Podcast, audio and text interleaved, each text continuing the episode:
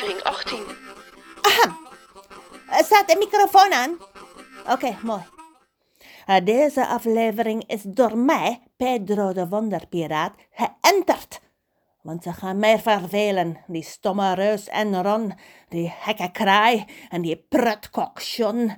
Hoe halen zij het in hun domme hofjes om te denken dat zij de mama van Trudy kunnen stelen van mij?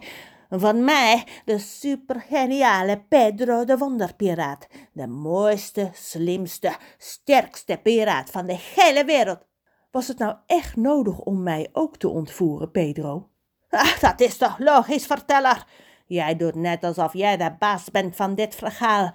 Jij vertelt het alsof je alles al weet. Alsof je weet hoe dit afloopt. Mag ik even lachen op een neerbuigende manier, zodat jij je klein en onbenullig voelt als een bleke aardworm? Eh, oh nee, dat kan beter. Pedro, je weet toch dat de meeste verhalen goed aflopen? De slechterik, dat ben jij, wordt gestraft en de helden, dat zijn Ron, Reus, Kraai en John, krijgen de hoofdprijs. Dus de moeder van Trudy. Pah, wat je gelden noemt. Ik moet elke dag een pleister plakken op de mond van dat mooie, knappe, lieve gezicht dat de reus op mijn arm heeft getatoeëerd. Als ik dat niet doe, dan bijt mijn gezicht mij en dat doet pijn.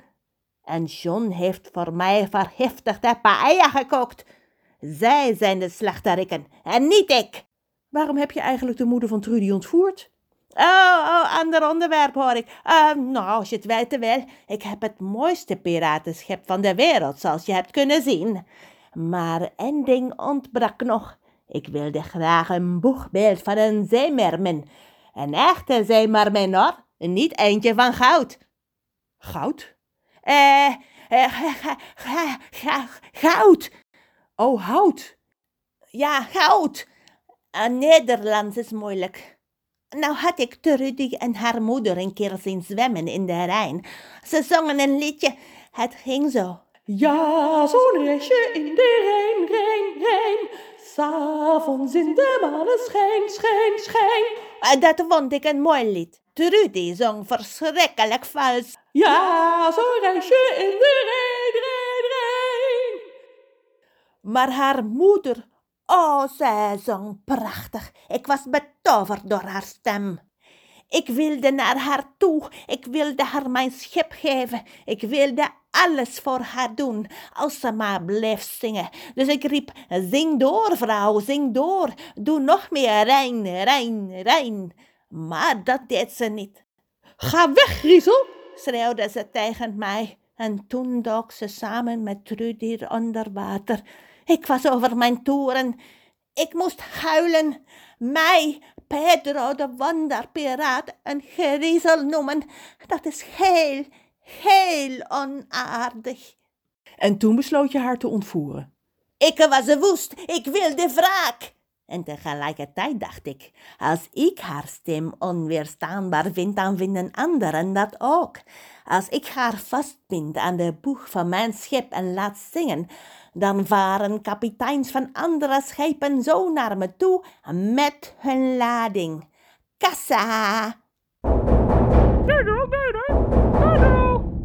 Oh, eh, ja, ja, ik kom.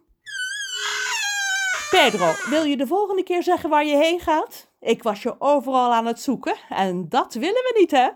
Eh, nee, Dus, sorry. sorry wat? Sorry, Lorelei. Goed zo. En wie mag u dan wel zijn? Ik ben de verteller. Oh, bent u dat?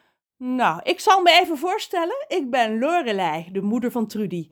En ik mag graag een potje zingen. Ja, een reisje in de Rijn, Rijn, Rijn. S'avonds in de maneschijn, schijn, schijn. Beste luisteraars, dit zijn verwarrende tijden. En hoe het verder moet, ik weet het niet. Tot volgende week. Ron Tattoo is geschreven en geproduceerd door Margot de Graaf.